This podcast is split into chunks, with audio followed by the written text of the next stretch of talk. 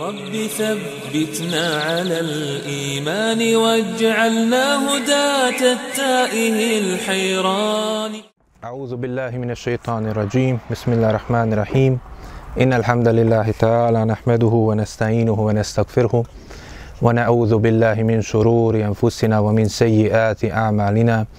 من يهده الله فلا مضل له ومن يضلل فلا هادي له واشهد ان لا اله الا الله وحده لا شريك له واشهد ان محمدا عبده ورسوله ارسله الله تبارك وتعالى بالهدى ودين الحق ليظهره على الدين كله وكفى بالله شهيدا ثم اما بعد Svaka zahvala pripada Allahu subhanahu wa ta'ala. Njega slavimo i njega veličamo, od njega pomoć i oprost za naše grijehe tražimo. Neka je salavat i selam na njegovog posljednjeg poslanika, njegovog odabranika i miljenika, našeg predvodnika Muhameda sallallahu alihi wasallam, njegovu časnu porodcu, sve njegove plemenite ashabe, kao i one koji slijede njihov put do sudnjega dana. A zatim nastavljamo govor o dešavanjima vezanim za bitku na Bedru. Prošli put smo govorili o detaljima i događajima koji se desili na povratku Allahovog poslanika sallallahu alihi wasallam sa poprišta bitke. Vidjeli smo kako su se muslimani obradovali pobjedi, muslim, pobjedi ashaba predvođeni Allahovom poslaniku, Allahovim poslanikom sallallahu alihi wasallam kako su radosno dočekali tu vijest, a nakon toga i poslanika sa njegovim ashabima u Medinu. Također vidjeli smo i kako su mušici bili razočarani, kako su bili poniženi, kako je pogodila nesreća od dijela ruku njihovi, zato što su jel, se na takav način, kako smo vidjeli i pokušali da približimo uz Allahovu pomoć, dakle, kako su sami sebi to prouzrokovali time što su se suprostavili Allahom poslaniku, sallallahu alaihi ve sellem, želići da unište i njega i njegove ashabe, da unište islam, pa su kao posljedica toga dobili to veliko poniženje. Nakon toga također vidjeli smo da je poslanik sallallahu alejhi ve sellem na putu prema Medini raspodijelio ratni plijen na pravedan način, čak nakon što su ashabi u prvim momentima se razišli kako će biti podijeljeno, na kraju je Allah postakao i rekao da treba da se vrate poslaniku sallallahu alejhi ve sellem u tome i da ratni plijen pripada Allahu i njegovom poslaniku, pa je onda poslanik sallallahu alejhi ve sellem na najljepši način raspodijelio ratni plijen pravedno vodeći računa kako je svaki od ashaba imao svog udjela u bitci. Čak i ne zaboravljajući oni koji su opravdano izostali sa bitke, oni koji su je propustili, a krenuli su da joj prisutuju, ili Osmana radijallahu koji je ostao sa Rukajom čerkom Allahov poslanika sallallahu alejhi ve sellem svojom suprugom da je da joj bude na usluzi u njenim posljednjim danima života jer je bila u bolesti od koje će preseliti baš u tim danima povratka poslanika sallallahu alejhi ve sellem u Medinu. Nakon toga smo počeli govor o ratnim zarobljenicima koje je zarobio Allahov poslanik sallallahu alejhi ve sellem, a bilo je 70 kako smo rekli, kako ukazuju na to predaje kod Buhari i drugih. Dakle, 70 zarobljenika i to oni koji su većinom bili, dakle, najžešći i najpožrtvovaniji e, u borbi protiv Allahov poslanika, u suprostavljanju islamu. Ali ono što se desilo sa njima je veličanstvena stvar. Kao što je sama bitka bila veličanstvena, sve u vezi nije veličanstveno pa tako i ono što je uradio poslanik sallallahu alaihi ve sellem sa ovih 70 zarobljenika je nešto veličanstveno. Rekli smo također na putu je kaznio samo dvojicu od najvećih zločinaca koji su bili zarobljeni. Ostali vidjet ćemo veličanstven primjer poslanikove sallallahu alaihi ve sellem i milosti i samilosti i na kraju pravednosti prema tim zarobljenicima. Dakle, samo uzmimo u obzir kontekst u kojem se to dešava. Bitka na Bedru, dakle, se desila druge godine po Hidžri. U mjesecu Ramazanu, 17. dana mjeseca Ramazana. To je odgovara 624. godini po rođenju Isa ali salam. Dakle, po ovom kalendaru koji svi u svijetu prate. Dakle, to je početak 7. stoljeća po miladu. Dakle, u to vrijeme Allahu poslanik sallallahu alaihi ve sellem postupa onako kako nije zabilježeno do tada je neko postupao. Čak šta više, dugo vremena nakon toga to neće biti praksa, dakle, kod ostali civilizacija mimo islamske civilizacije. Zato što poslanik sallallahu alejhi ve sellem postupa milostivo, samilosno, pravedno prema onima koji su želi da ga ubiju samo zato što vjeruju Allaha. Koji su želi da ubiju njegove ashave samo zato što vjeruju Allaha. Koji su ih protjerali, oteli ni metak njihov, obeščastili ih, raskućili ih, samo zato što su vjerovali Allaha subhanahu wa ta'ala. Ali poslani sallallahu alaihi ve sellem se ne sveti nikome od njih. Ona dvojica koje je kaznio, to su bili zločinci. Dakle, poslanik je bio milostiv i on je doista milo svjetovima. Vama arsalnake illa rahmeten lil alemin. Ali zar bi bila milost da se zločinci puste nakon onoga što su radili? Zar bi bila milost da se pređe preko svega onoga što su oni radili? Dakle, spomenuti Ukbe ibn Ebi Muajt i Nadar ibn Haris. Zar bi bilo to pravedno? I zato je poslanik sallallahu alaihi ve sellem treba to naglasiti i reći bio milostiv, ali također je u okviru te milosti kao u svim drugim njegovim postupcima i kako, kako to treba biti i u postupcima svih muslimana bio je i mudar. Nema milosti bez mudrosti. Ni od mudrosti, dakle da se puste zločinci da nastavi raditi zločine. I zar bi bilo mudro da oni koji su bili nepravedni i toliko zločina učinili, da ih se pusti, a onda da se time postupkom bude, dakle, zaboravi milost prema onima koji su bili njihove žrtve, koji su bili žrtve njihovih zločina. Zato kao što kažu učenjaci, mudrost u islamu je definisana. To je dakle da se pogodi istina. Šta to znači? Znači jel da se stavi stvar na njeno mjesto onako kako treba. A kako ćemo to znati? Na osnovu objave. To jeste da se pogodi istina na temeljima objavi. Ne na temeljima naših nekih slabašnih razuma ili uticaja neke sredine u kojoj živimo, pa da onda po tome određujemo šta je mudrost ili ne. Mudrost je ono na čemu je su šta su objavili nam Allah, šta nam je objavio Allah uzvišeni i šta je bila praksa njegovog poslanika. Pa tako je li poslanik sallallahu alejhi ve sellem je zato postupio tako prema ovoj dvojici. Prema jel, njihovim zaslugama. I time riješio jer da oni Allah je znao kakvi su oni i da je pustio da nastavi raditi, on bi nastavili dalje raditi kao što su radili. Kao što smo videli na primjer Ebu Džehla, kojim je toliko puta pružena prilika da se pokaje, da ustane od tog puta i u samom poprištu bitke on je do zadnjeg momenta ustrajao na tom zlu. Tako bi i ovi da su bili pušteni. Allah je zato naredio poslaniku sallallahu alejhi ve sellem da im presudi. I zato je ovaj dan između ostalog bio dan Furkana, dan razdvajanja istine od laži. Da se vidi na tom postupku za sva vremena kakav je odnos prema zločincima, onima koji čine nepravdu ljudima, koji siju zlo među ljudima, dakle da ne može se i pusti da to rade. A također i da se pokaže pravednost Islama, kao što ćemo vidjeti na postupku sa ostalim, dakle koji su isto bili, dakle činili također zločine, ali nisu bili na ovom stepenu, nisu dostigli, dakle, vrhunac u tom zlu. Bilo je još uvijek za njih mogućnosti. I zato, kao što smo vidjeli, poslanik sallallahu alejhi ve sellem se savjetuje sa ashabima što da postupi sa njima. Pa smo vidjeli da dva najodabranija ashaba imaju dva oprečna mišljenja.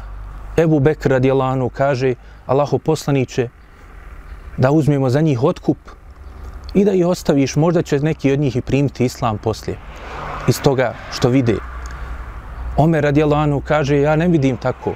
Ja smatram da trebaju da budu kažnjeni zbog onoga što su radili. I to da budu kažnjeni tako što će svako svoga bližnjega kazniti. Daj meni mog rođaka nekog pa ću ga ja kazniti. Daj Ali radijalanu njegovog brata Akila da on njega kazni. Dakle, i tako i Hamzi da dadneš njegovog rođaka da on njega kazni. Dakle, da se vidi da neće se više dati da oni tek tako jel, nastavi raditi to zlo koji su radili. Allah uzvišeni objavom, kao što smo spomenuli, je potvrdio ovo mišljenje Omera, ali također je potvrdio i mišljenje Ebu Bekra. I kao što je vidljivo iz prakse poslanika sallallahu alejhi ve sellem na kraju je ostalo na mišljenju Ebu Bekra. Spomenuli smo pojašnjenje Ibn Kajima koji kaže to je zato što je, kao što je i rekao Ebu Bekr, dakle to je bilo velika pobjeda za islam i taj postupak prema zarobljenicima, jer mnogi od njih su primili islam. Također, i to je bilo u okviru ekonomskog rata koji se vodio, dakle, koji su mušici također prvi pokrenuli, kao što su pokrenuli i prvi, dakle, da se ratno sukobe sa muslimanima, tako i ovo. Dakle, oni su bili ti koji su pokrenuli bojkot tri godine poslanika i njegovih ashaba i ekonomsku izolaciju. Također, oni su ti koji su i protjerali tijeli da ubiju. Pa tako, dakle, onda je u okviru toga Ebu Bekr radijalanu opet bio ispravnijeg mišljenja i malo širijeg razmišljanja od ovog Omerovog, koje je također bilo ispravno. Zato što u okviru tog ekonomske borbe, dakle, muslimani su time dobili i vratili dio imetka, oslabili mušike ekonomski zato što su morali da plate velike oštete za svoje zarobljenike. A također, neki od njih su i primili islam.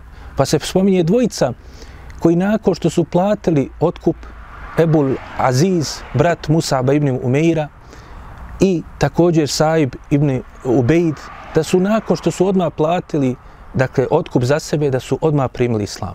Pa su i mušici zbog toga grdili i govorili zašto niste odmah primili islam, da ne dajemo veliki otkup za vas. To je, kaže, bilo zato da se ne kaže da smo mi primili islam zato što nismo htjeli da platimo otkup. Nego smo platili da nam islam počne dakle, na jedan čist način, dakle, bez ikakih dakle, primjesa. Dakle, plaćamo oštetu za sebe i otkup zbog onoga što smo radili, boreći se protiv islama, a sada primamo islam. Kada su vidjeli pravednost ashaba i poslanika, sallallahu alaihi veselem, koji je odmah rekao sahabima da, dakle, prema njima pre, postupe na najljepši način. Pa su ensarije, kaže, primile između ostalih i ovaj Ebu Aziz, također i e, Ebul As, također spominju da su toliko dakle, vodili računa ovim zarobljenicima. Dakle, istim onim koji su ih protjerali, istim onim koji su se došli da bore protiv njih, protiv ovih ensarija. Dakle, na lijep način postupili s njima tako da su, kaže, njima davali hljeb, a mi smo jeli, kaže, to jeste, ashabi su jeli datule, a njima davali najljepšu hranu koju su imali u tom momentu, hljeb, dakle, koji se jel, u to vrijeme predstavljao veliko, veliku blagodati na jedno od najvrednijih jela. Dakle, kada su vidjeli taj postupak, onda su neki od njih jeli, primili odmah islam. Dakle, poslanik sallallahu alejhi ve sellem je na kraju poslušao mišljenje Ebu Bekra, Allah uzvišeni je odobrio mu to i dakle time su jel dakle muslimani na najljepši način postupili prema ovim dakle ljudima koji su na kraju krajeva svojim postupcima zaslužili sve najgore zato što su oni objavili rat Allahu i njegovom poslaniku boreći se protiv islama. Ali islam je pravedan pa čak i prema takvima, a poslanik je milosti prema takvima. Na njih se pruži prilika, dakle, i postupak i prema ovim zločincima da bude furkan, razdvajanje istine od laži, da vide ovi ostali, oni drugi koji su ostali. Vidjet ćemo jedan od primjera od njih, Ubej ibn Halef, brat od Umeje ibn Halefa, šta će biti s njim na, na ubici na Uhudu, inšala. Pa ćemo vidjeti, jel, da iako nije htio da posluša ovo sve i uzme pouku iz toga, da je završio još gore nego što su oni završili. A također vidjet ćemo i dakle kako su jel ovi neki poslije čak i od onih koji se spasili iz ove bitke poput Halda ibn Velida, poput Amra ibn Lasa, nakon godina su prostavljani islamu, na kraju nisu ovo zaboravili i to će biti jedan od povoda da prime islam. Dakle, svima je to bila milost od strane Allahov poslanika u njegovim postupcima prema njima. Poslanik, sallallahu alaihi wasallam, kako je došlo dakle, u hadisu kod imama Ahmeda, dakle, odreduje da svaki od njih spram i metka kojeg imao da plati oštetu. Dakle, oni bogati, dakle, da dadnu više od onih koji su siromašni. Dakle, pravedno ponovo postupanje poslanika, sallallahu alaihi wasallam. A kao što smo rekli, To su bili ljudi koji su, dakle, sahabi i poslanik sallallahu alejhi ve sellem koji su protirani, koji su muhadžiri, koji su ostali bez svojih metka, koji im je nepravedno, su isti ti mušici prisvojili njihove kuće i metke. Ali poslanik sallallahu alejhi ve sellem opet pravedno kaže od svakog da se uzme sprem njegovog imetka. Čak šta više, kako je došlo u drugoj predaji kod imama Ahmeda, oni koji nisu imali metak, poslanik sallallahu alejhi ve sellem je rekao da će njihov otkup biti da desetoricu od djece Ensarija poduče dakle, e, pismenosti, da i opismeni, da i nauče pisati i čitati. Spominje se u tim jel, predajama deset, u nekim općenito kaže se dakle, da se otkupe time što će podučiti određeni broj dakle, e, od djece da budu dakle, e, i dakle, oni koji su bili nepismeni da i opismene i da nauče i čitati. E, poznati jedan od, od autora E, dakle, jedne od knjiga o životu poslanika, sallallahu alejhi ve sellem, doktor e, Muhammed Ebu Šehbe, rahimeullah, spominje lijepu poruku iz ovoga postupka Allahov poslanika, sallallahu alejhi ve sellem. Kaže, rahimeullah, kaže, poslanikovo primanje da oni poduče, dakle, te koji su bili nepismeni, da ih poduče pismenosti, i da time se otkupe iz zarobljeništva, ukazuje koliko je poslanik sallallahu alejhi ve sellem vodio brige o nauci. Dakle, poslanik sallallahu alejhi ve sellem u momentu kada su potrebni metka, kada su jel, u velikim nedaćama, kada je povratimo muhađure i ensarije, muhađure koji su gotovo svi došli bez ičega, sve su morali da ostave, on ipak daje i vodi računa i o nauci. A kaže, to nije čuditi u vjeri u kojoj je prva objava bila Ikre, Bismi Rabik, uči ime svoga gospodara. Kaže, i poslanik sallallahu alaihi veselem ulaže trud da ukloni nepismenost. Pa poslanik sallallahu alaihi veselem kaže dalje, kaže, tako, dakle, postakao ljude na nauku. I ne samo to, nego je on udario kaj temelje, temelje opismenjavanju jednog naroda i kaže uklanjanju nepismenosti iz jednog naroda. I to je nešto što do tada nije bilo zabilježeno. To je, dakle, zasluga koja pripada islamu. Da neko, jel, dakle, e, na jedan organizovan način, dakle, sveobuhvatan, uzme za sebe obavezu i uloži trud i preduzme uzroke da se ukloni iz jednog naroda nepismenost. Dakle, to je, sa time islam prvi došao. Dakle, da se organizovano krene sa opismenjavanjem jednog naroda kao što su jel bili ashabi. A u tom vremenu treba znati, to je bilo nešto vrlo jako veliko. Dakle, nije to bilo tek da se čovjek opismeni, da zna čitati i pisat. U njihovo vrijeme čovjek koji bio e, dakle, učen u smislu da zna pisati i čitati, on se smatru učenim čovjekom. Dakle, to je bilo pokazatelj nečije učenosti. Dakle, mjerilo nečije učenosti. Kao što je u naše vrijeme, jel, fakulteti i ostale titule koje slijede nakon toga, u to vrijeme je bilo to što neko je bio, dakle, od onih koji su znali čitati i pisati. Čak šta više, kad pogledamo naše vrijeme, dakle, naši djedovi i generacije prije toga, koji su završili jel, osnovno obrazovanje, bili su na visokom stepenu obrazovanja. A pogledajmo, 624. godine po ređenju Isa, poslanik sallallahu alejhi ve sellem, dakle na desetine jel samo u ovom jednom potezu ljudi je opismenio koji su jel bili od muslimana u tom momentu dakle nepismeni.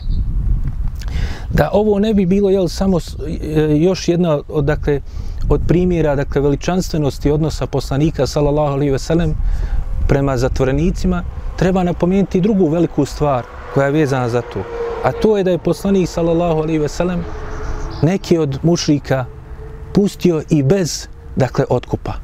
Dakle, kaznio je dvojicu, neki su se otkupili sprem svoga imetka, treći su, nisu imali metka, podučite deset od djece naše, od nepismeni i opismenite ih, pa se time oslobodite, a neki od njih, spominju se trojica koje je poslanik sallallahu alejhi ve sellem velikodušno pustio bez ičega. Dakle, uveo je da kažemo prvi oblik amnestije. Dakle, pustio je, bez obzira na ono što su radili.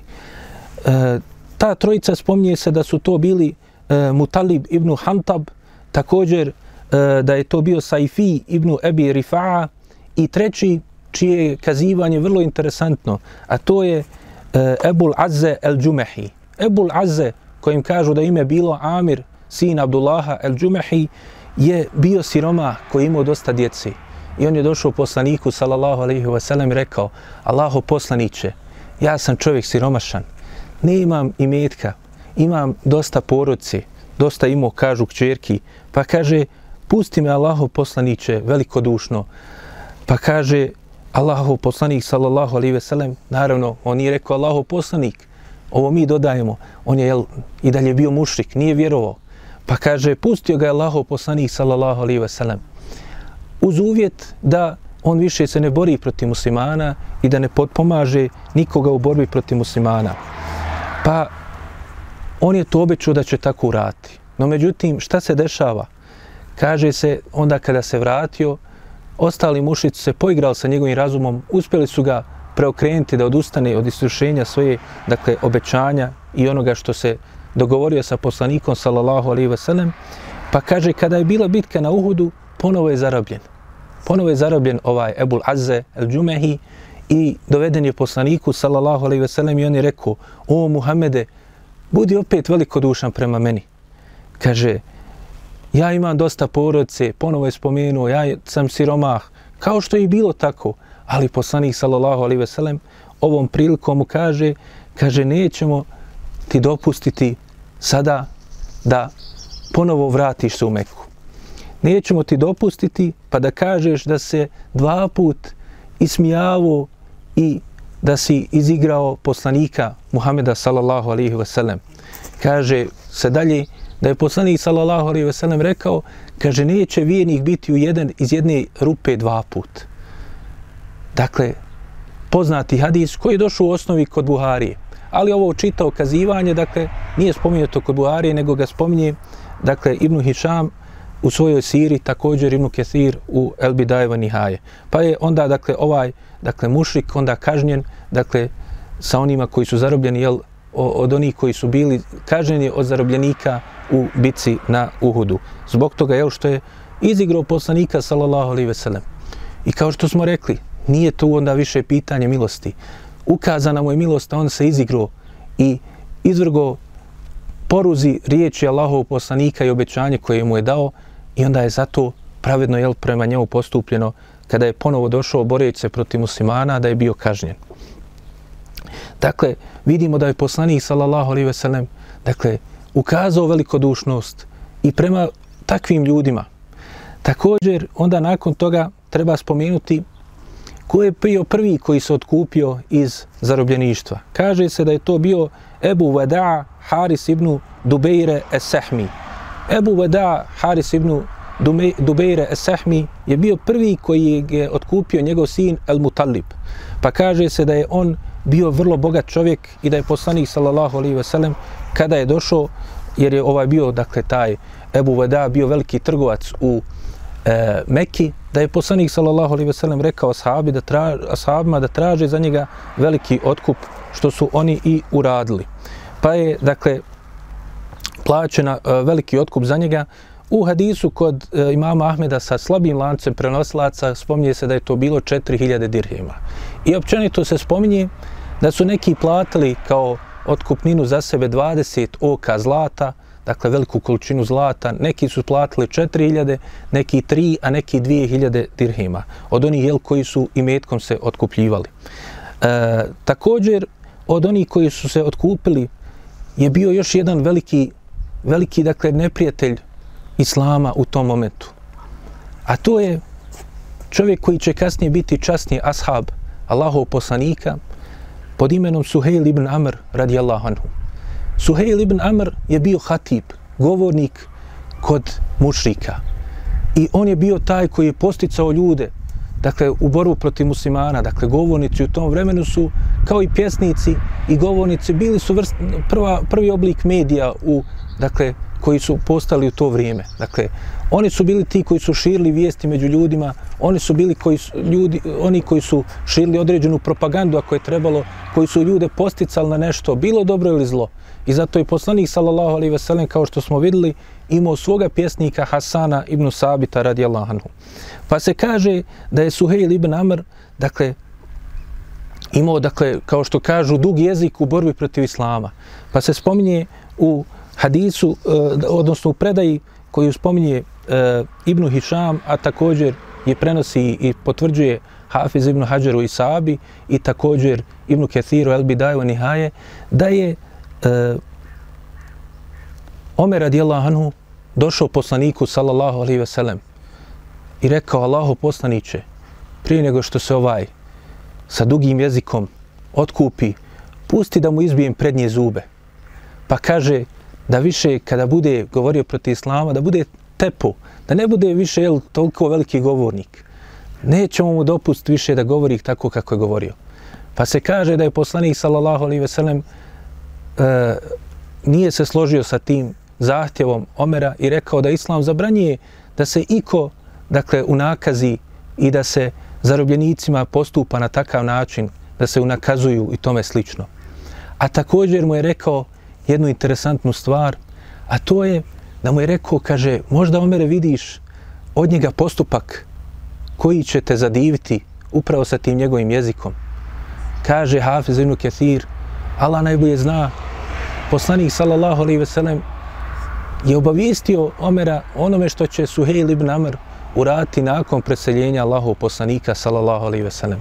On će kasnije, ne nakon bitke na Bedru, nego kasnije će primiti islam i kada postane musliman radit će u korist islama tako da će on kada dođe nakon preseljenja Allahov poslanika sallallahu alaihi ve sellem do pojave rideta, otpadništva, i da se pojavljuju lažni vjerovjesnici i da ljudi su počeli da napuštaju vjeru u skupinama kao što su ušli, Suhejl ibn Amr će u Meki ustati i održati govor, biti hatib u korist Islama i reći o Mekelije, zar ste zaboravili da ste vi bili zadnji koji ste primili Islam?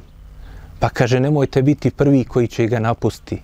A neka znaju oni koji hoće da napuste Islam, da ćemo se mi s njima obračunati. Nećemo im to dopust da urade. I kaže, ostali su, između ostalog, i zbog ovog govora Suhila ibn Amra, stanovnici Mekke stabilni na islamu, nije se pojavila ta e, dakle, smutnja među stanovnicima E, Mekke kao što se pojavila u nekim drugim mjestima. Tako da je Suhejl ibn Amr između ostalo se kaže da je on bio od onih koji će krajem 17. a početkom 18. godine po Hidžri preseliti u Šamu, gdje je bio sa muslimanskom vojskom koju je zadesila kuga, poznata kao kuga Amvas, u mjestu, malom selu, pored kuca kada je izbila, dakle ta kuga, pa su mnogi ashabi, uključujući Ebu Ubejdu i također uključujući Muaza ibn Džebela i također Suhejla ibn Amra preselili od posljedica, dakle, ove kuge. Dakle, radi Allahu anhu, ovaj, dakle, ashab u ovom momentu, jel, e, nije bio još primio islam, ali se odkupio i pokazao upravo ono što je Ebu Bekr govorio. Dakle, da Allah će dati da neki od njih prime islam, da ostanu živjeti, iako su nastavili da se bore protiv islama nekoliko godina, ali su na kraju primili islam i učinili veliko dobro i za sebe i za muslimane i za Allahovu vjeru. A također i ove riječi poslanika sallallahu alaihi ve sellem, kao i u mnogim drugim situacijama, govori da poslanikov govor nije govor običnog čovjeka. Dakle, imamo Allahov govor, ali odmah nakon njega dolazi govor Allahov poslanika, pa onda govor svi ostali ljudi. Hadisi Allahov poslanika, sallallahu alejhi ve sellem, to je objava od Allaha. Kako je on mogao znati? Kako je on mogao znati i ovako reći Omeru da će vidjeti neki postupak, a doista je Omer to vidio, nije vidio poslanik sallallahu alejhi ve sellem, nego je Omer vidio u vremenima otpadništva nakon preseljenja Allahov poslanika sallallahu alejhi ve sellem kako je kao hatib za u korist islama progovorio Suhejl ibn Amr. Pa dakle, zar to može biti osim objava od Allaha? Dakle, da poslanik sallallahu alejhi ve sellem sve što je govorio o Allahovoj vjeri, a govor o stvarima iz budućnosti ne može biti osim govora o Allahovoj vjeri. Jer to, jel, Neko ne zna nevidljivi svijet i ono što će se desiti u budućnosti osim Allaha. I onoga koga je Allah obavijestio od svojih poslanika i vjerovjesnika.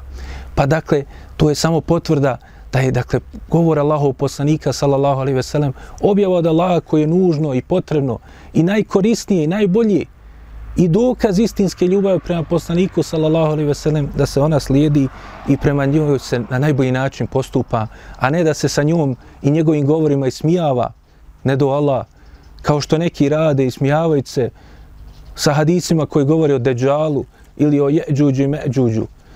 Dakle, to je govor od Allahovog poslanika koji je on govorio po objavi.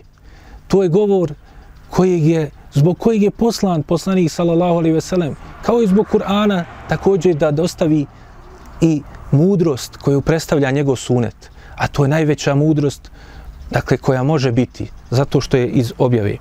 Spominje se da je uh, Suhejla ibn Amra otkupio E, čovjek pod imenom Mikrez ibn Hafs ibn Ebil uh, ibn Ahjef. Dakle, Mikrez je bio taj, kaže, koji je platio dakle, oštetu za njega.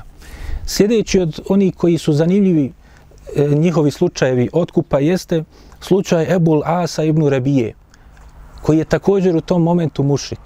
Ali ne samo da je mušik, nego on u tom momentu još uvijek i zeta Allahov poslanika. Dakle, on je suprug čerke Allahov poslanika Zeynep.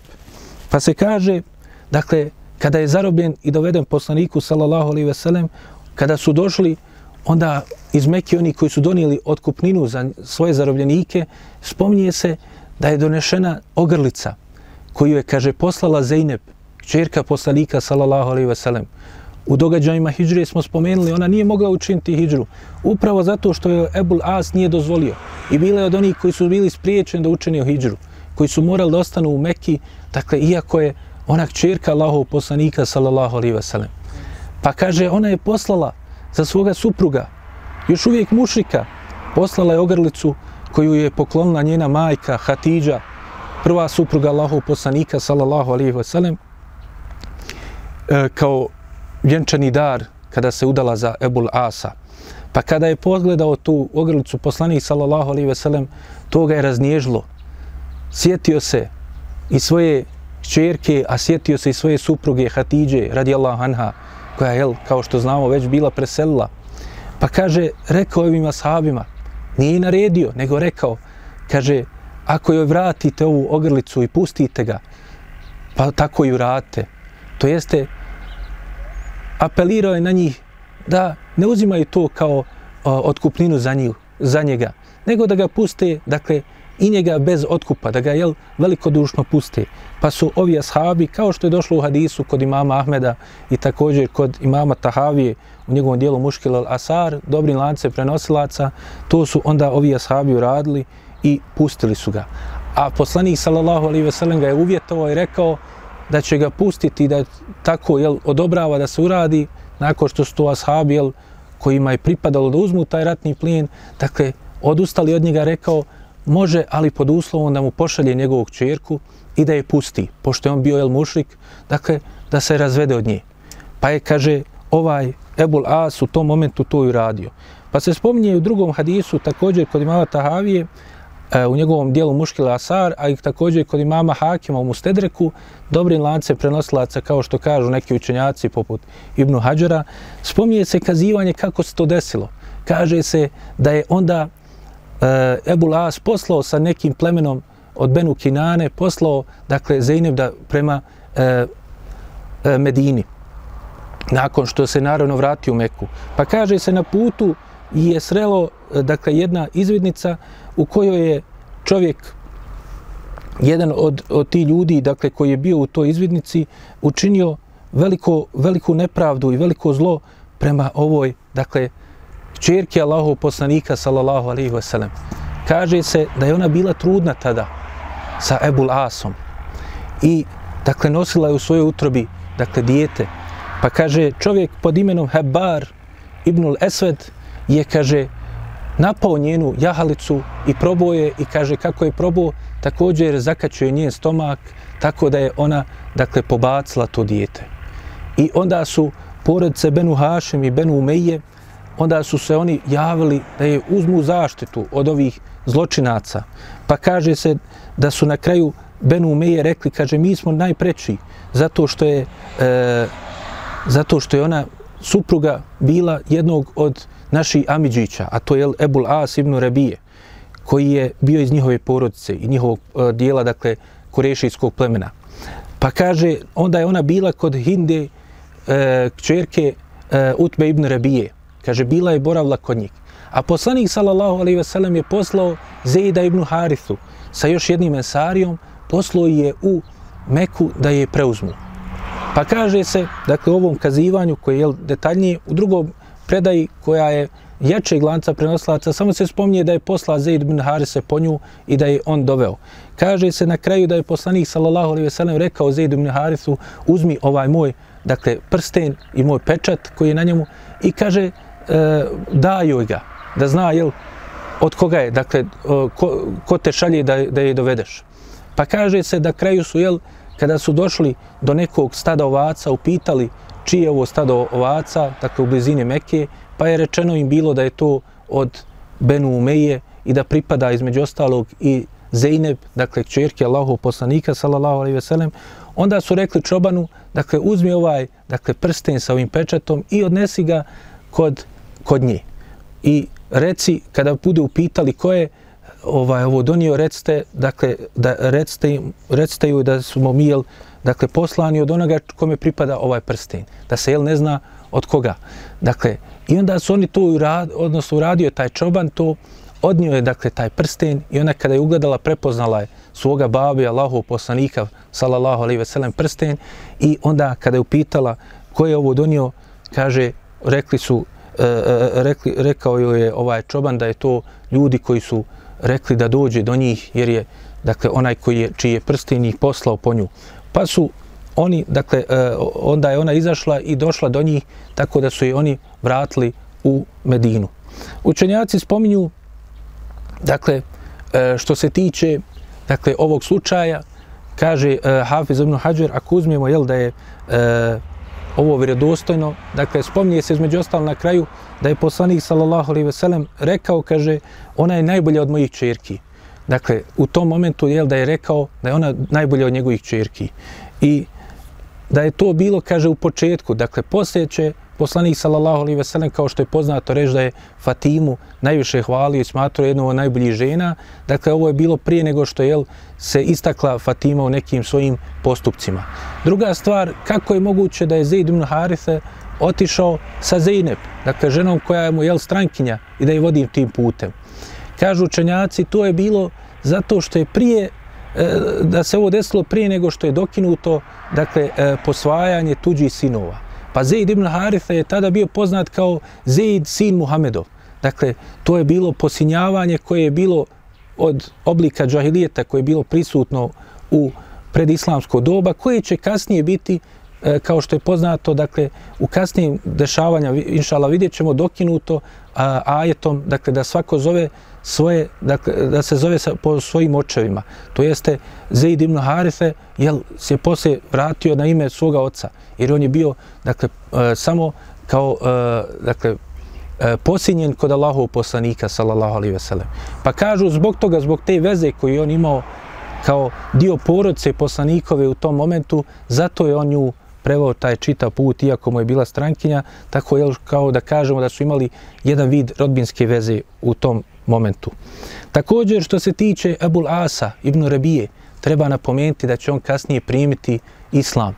Pa se spominje dakle, da je on primio islam prije nego što će biti oslobođena Meka ili u tom vremenu i također se spominje da je onda poslanik sallallahu alejhi ve sellem onda mu vratio dakle Zeynep i ponovo su oni jel postali supružnici sve dok ona nije preselila a prije nego što će preseliti Allahov poslanik sallallahu alejhi ve sellem kao i sve ostale kćerke Allahov poslanika osim e, Fatime koja će preseliti šest mjeseci jedino jel od e, sedmero djece Allahov poslanika koje ga naživilo. Ostali šestero je preselilo u njegovom životu. Jedino ona poživila šest mjeseci nakon Allahu poslanika sallallahu alejhi ve sellem.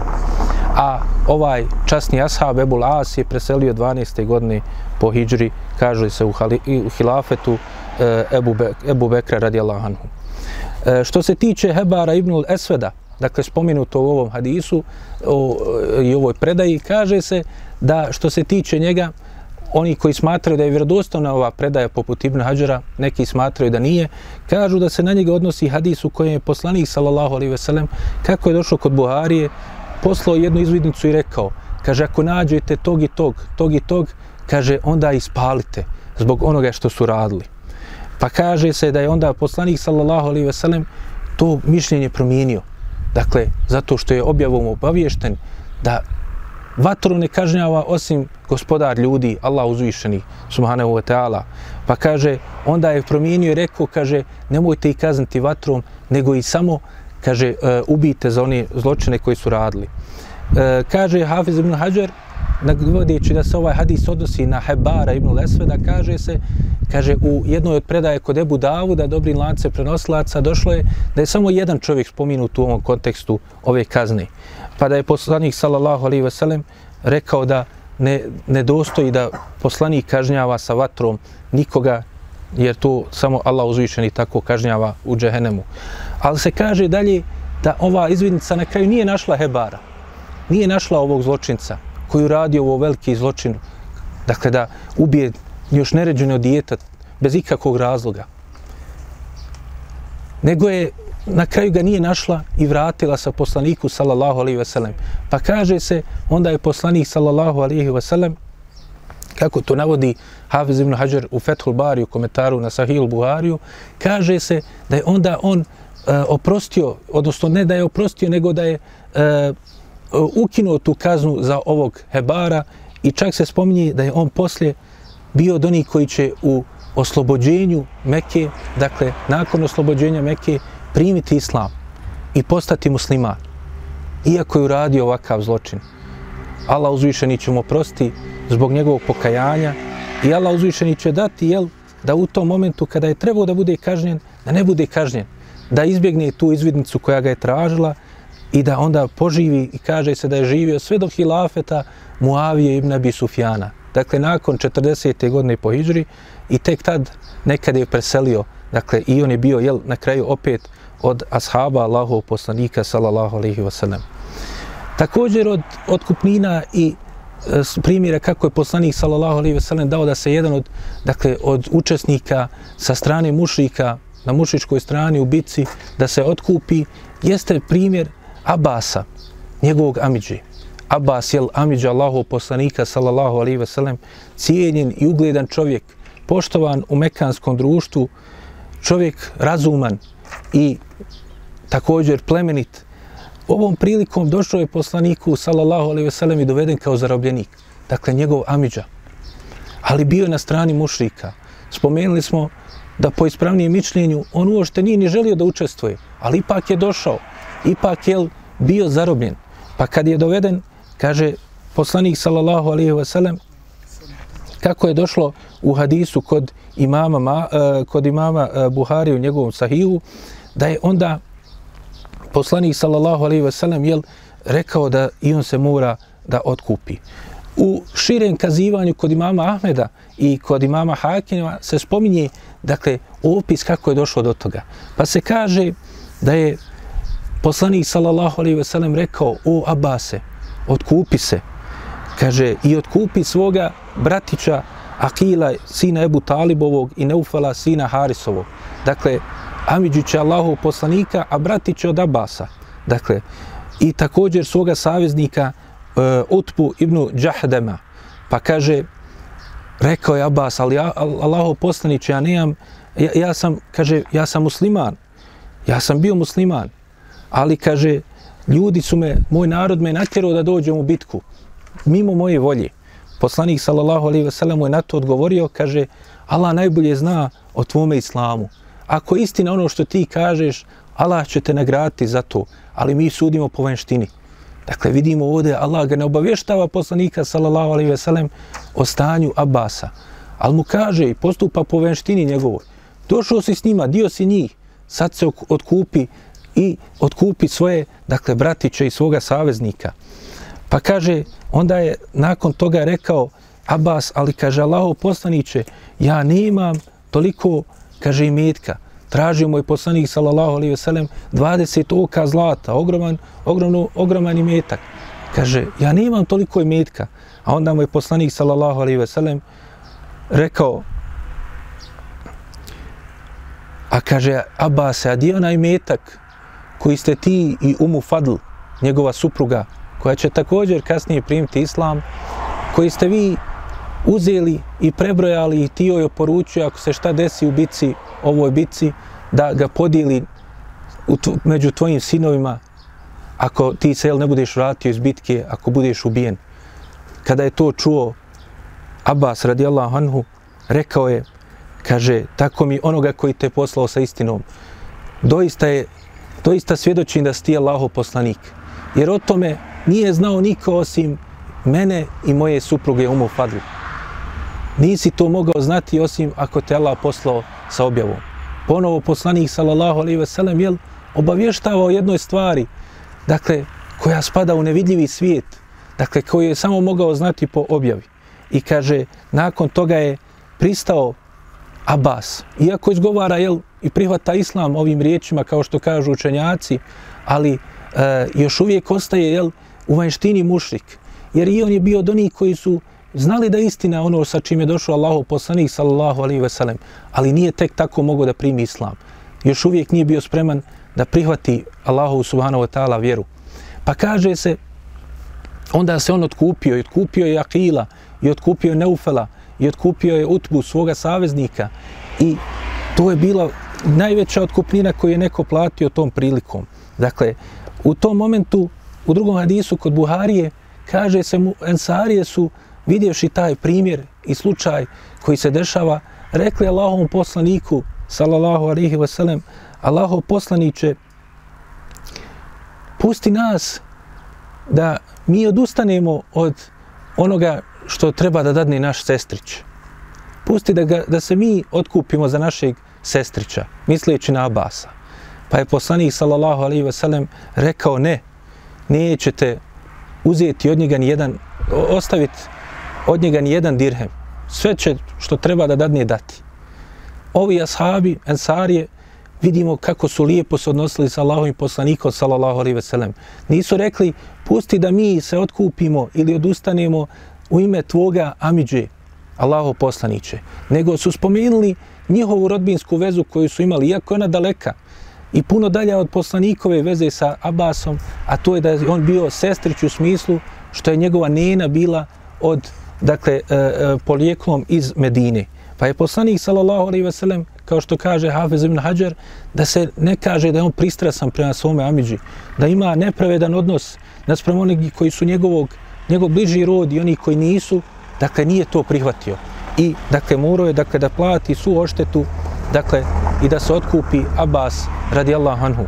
A da Allah uzvišeni pravedno postupa prema svakome, da će svakome onome koji dadne na Allahovom putu vrati, primjer je Abbas u ovoj situaciji.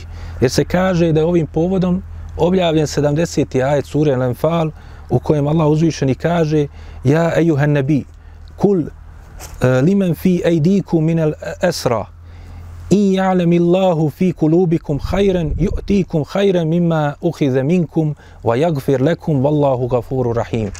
Allah uzvišeni kaže, o o Allah, Allaho vjerovjesniče, o vjerovjesniče, reci onima koji su u vašem zarobljeništvu, koji su pali u vaše ruke kao zarobljenici, ako Allah bude vidio u vašim srcima dobra, da će vam puno bolje od onoga što vam je dao, od onoga što vam je e, e, uzo od vas i oprostit će vam Allah uzvičeni puno prašta i on je milostiv.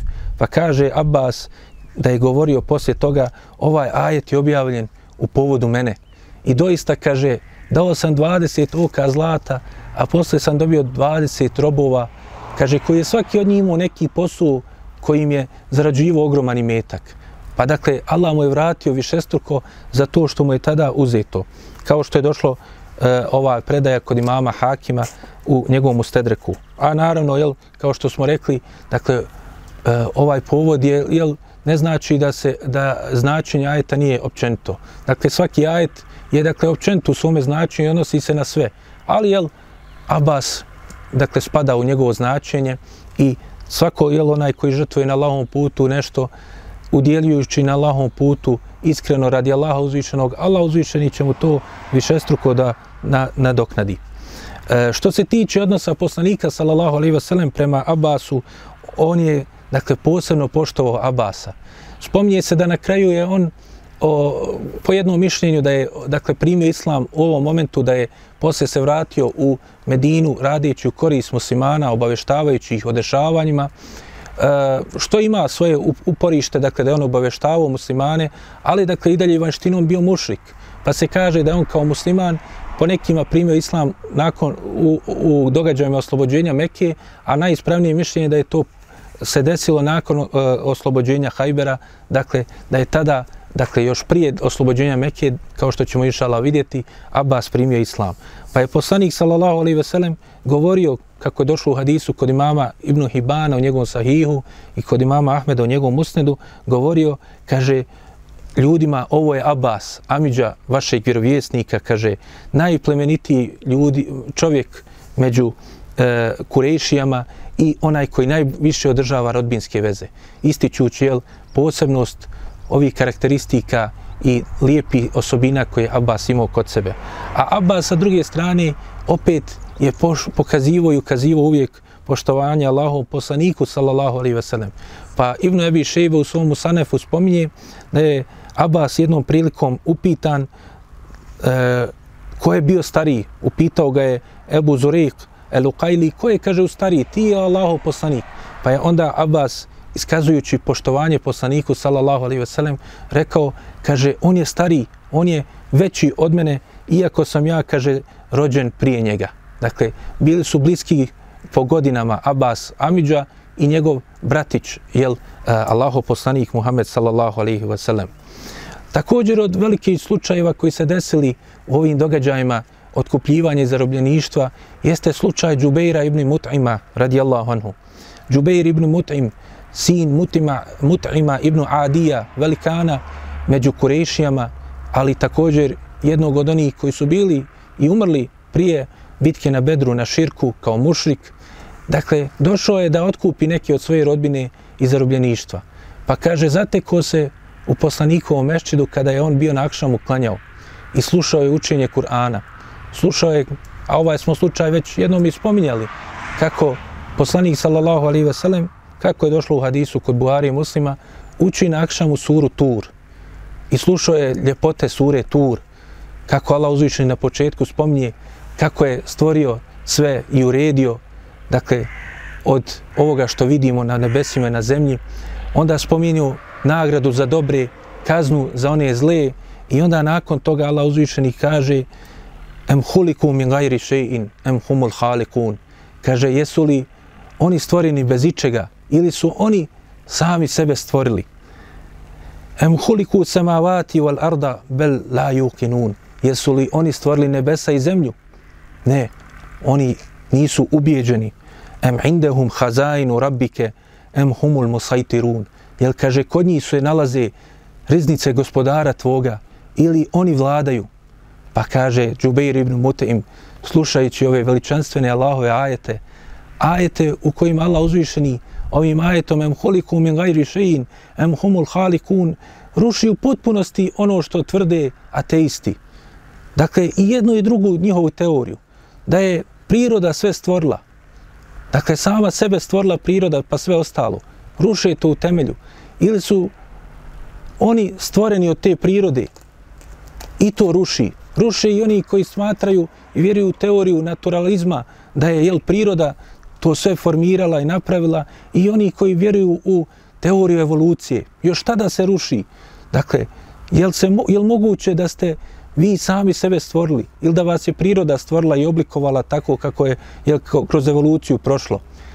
Jer ako je tako, pa onda stvori nebesa i zemlju, kako kaže Allah uzvišeni u sljedećem ajetu. Kod koga su riznice tvoga gospodara? Ili vi time svime vladate? Ako vladate, onda vladajte. Zašto umirete? Zašto nestajete?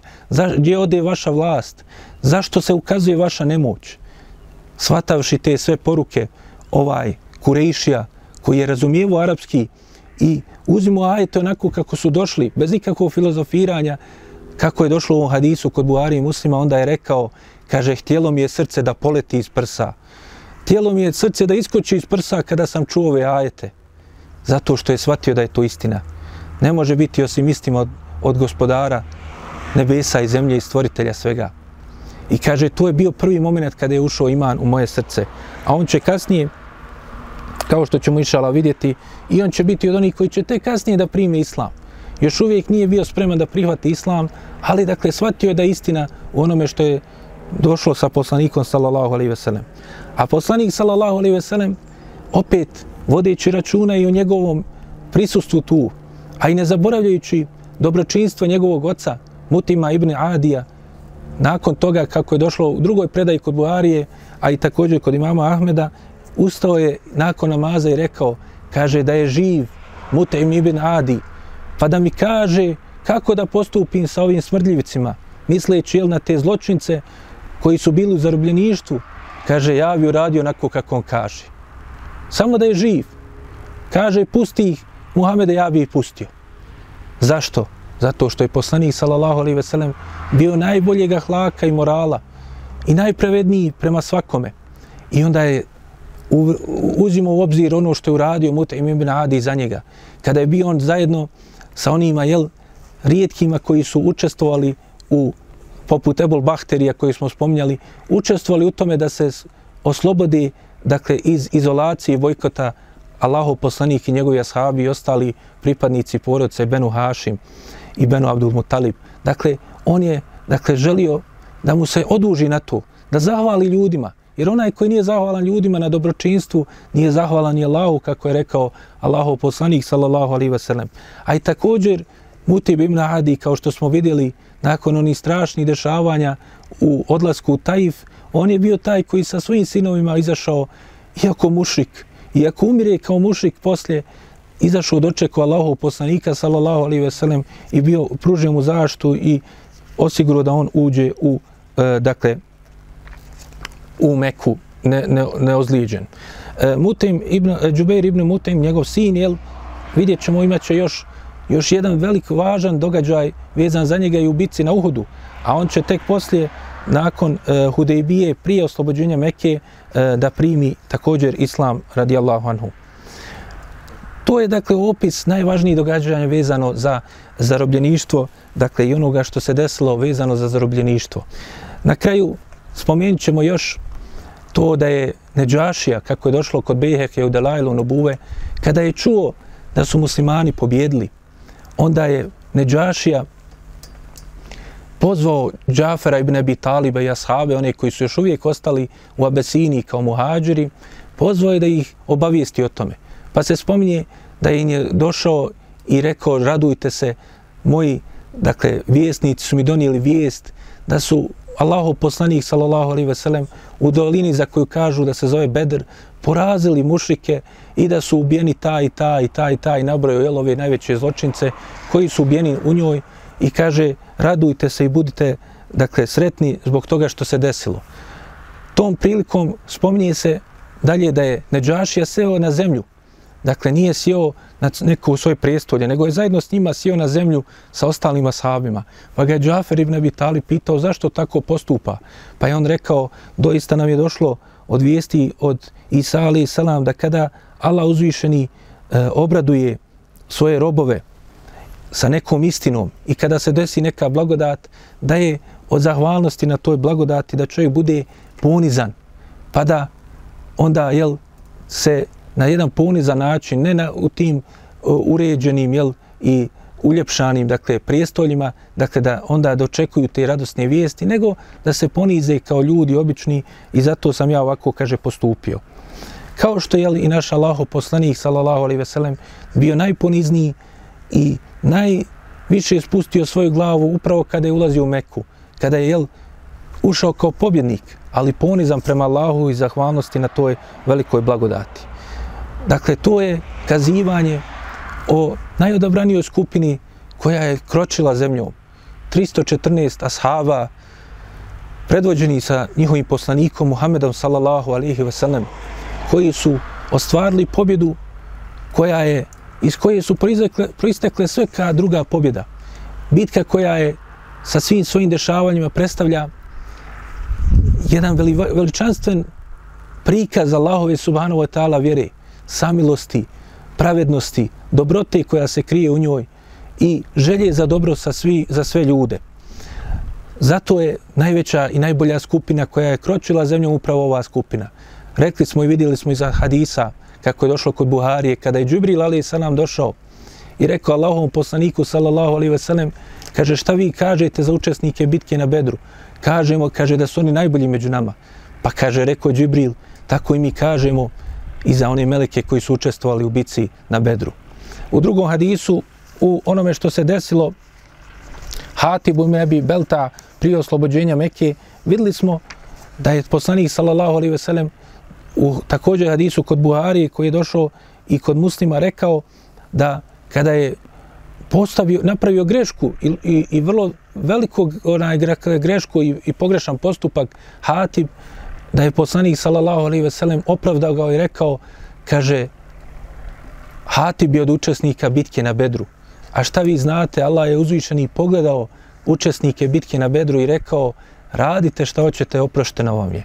A u drugom hadisu da je rekao, radite šta hoćete, vama pripada dženet. Dakle, ogromna, ogromna poča za ove ljude. Što se tiče ove rečenice, radite šta hoćete, vama pripada, dakle, vama pripada dženet ili vama je oprošteno, učenjaci pojašnjavaju šta to znači, jer nekima je to sporno, dakle, je to znači da mogu raditi šta hoće. Pa kaže imam Kurtubi, te, komentaršujući ovaj, dakle, hadis, kaže, to znači da je ovaj, dakle, e, ove riječi poslanika, sallallahu alaihi veselem, predstavljaju ukazivanje počasti i isticanja položaja koja pripadaju, dakle, učesnicima bitke na Bedru. A sa druge strane, dakle, uh, oni iako su dakle bili od onih kojima je ovim dakle postupkom borbe bitci na bedru pripala oprost njihovih prijedhodnih grijeha i imaju pravo na dobrobit i, i dobro i blagoda da im se oproste i buduće grijesi, to kaže ne znači da su oni to doista tako i radili. Nego kada pogledamo sa druge strane njihove postupke, vidjet ćemo da su oni do kraja života svoga radili najbolje, najbolja djela. Djela džanetlija, Mnogi od njih su pali kao šehidi. Od četvorce pravednih halifa i drugi, treći i četiri halifa su bili, dakle, od oni koji su pali kao šehidi. I mnogi drugi ashabi. I mnoštvo dobra koji su radili i za islam, i za muslimane, i za općenito za čovečanstvo. Dakle, do kraja života su radili dobro. I ovo je još jedna potvrda da ovo što je poslanik sallallahu alaihi veselem, dakle, mogu reći samo po objavi. Dakle, obavještava da će ljudi ti ustrajati na dobro do kraja života. Hafiz ibn Hajar se nadovezuje i kaže, to kaže ne znači da neki od njih nisu napravili grijehe. Ali kaže, kao što ćemo vidjeti neke od primjera, dakle, od onih koji su učinili neke od grijeha, čak i za života poslanika, sallallahu alaihi ve sellem, ali oni su najpreći da pripadne im, dakle, Allaho oprost. Allah uzvišeni prima pokajanje sve dok duša ne dođe do grkljena. Pa zar ovi ashabi za svog života nisu bili najpreći i nisu bili najbolji od onih koji će se jel, kajati najviše za svoje grijehe.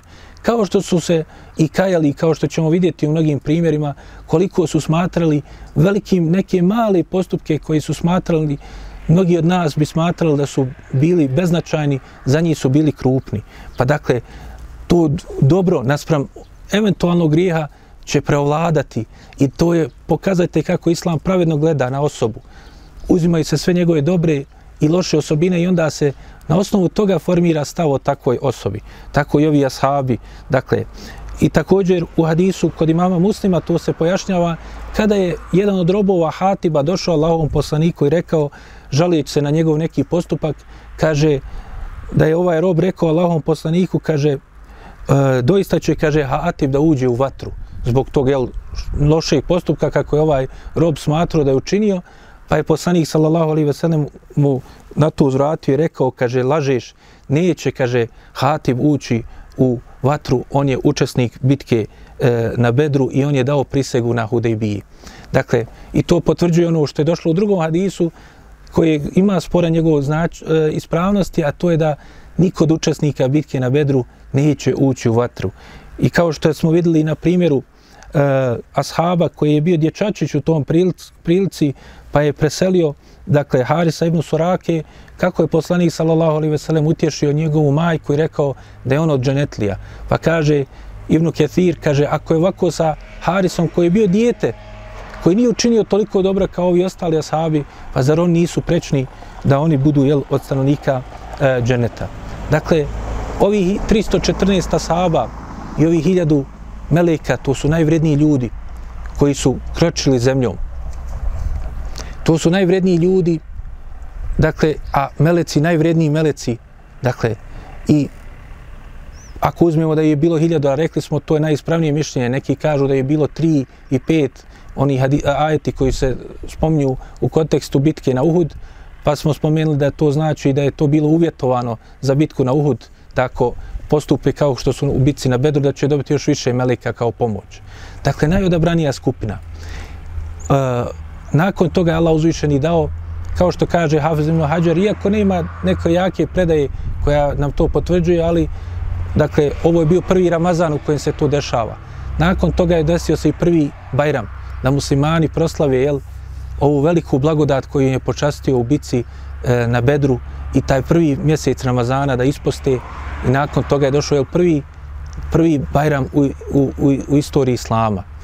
Mi molimo Allaha subhanahu wa ta'ala da nam olakša da dočekamo mjesec Ramazana na najbolji način, da budemo pripremljeni, da ga ispostimo, iskoristimo na najbolji način, da izađemo iz njega veseleći se u danu Bajrama, zadovoljni sa onim što smo uradili, da nam bude oprošteno i ukazana milost od Allaha subhanahu wa ta'ala i da Allah uzvišeni olakša nam i otkoni od nas ove nedaće, kao što je olakšao i pomogao učesnike bitke na Bedru. Molimo te, Allah uzvišeni, svim tvojim lijepim imenima i uzvišenim svojstvima, da pomogneš nam i olakšaš i kao što si pomogao, o ti koji si pomogao učesnike bitke na Bedru, koji si pomogao prve muslimane, da i nama pomogneš da ovo iskušenje koje nas je zadesilo se uzdigne od nas i ova zaraza. Molimo te, Subhanahu wa ta'ala, da nam se smiluješ i oprostiš i povećaš ljubav prema Allahom poslaniku i učeniš naš od njegovih iskrenih sljedbenika i da pomogneš muslimane na svakom mjestu. Amin. Subhanika Allahumma bihamdike. Ešhedan la ilaha illa ente. Stakruke etublik. يا رب ثبتنا على الإيمان واجعلنا هداة التائه الحيران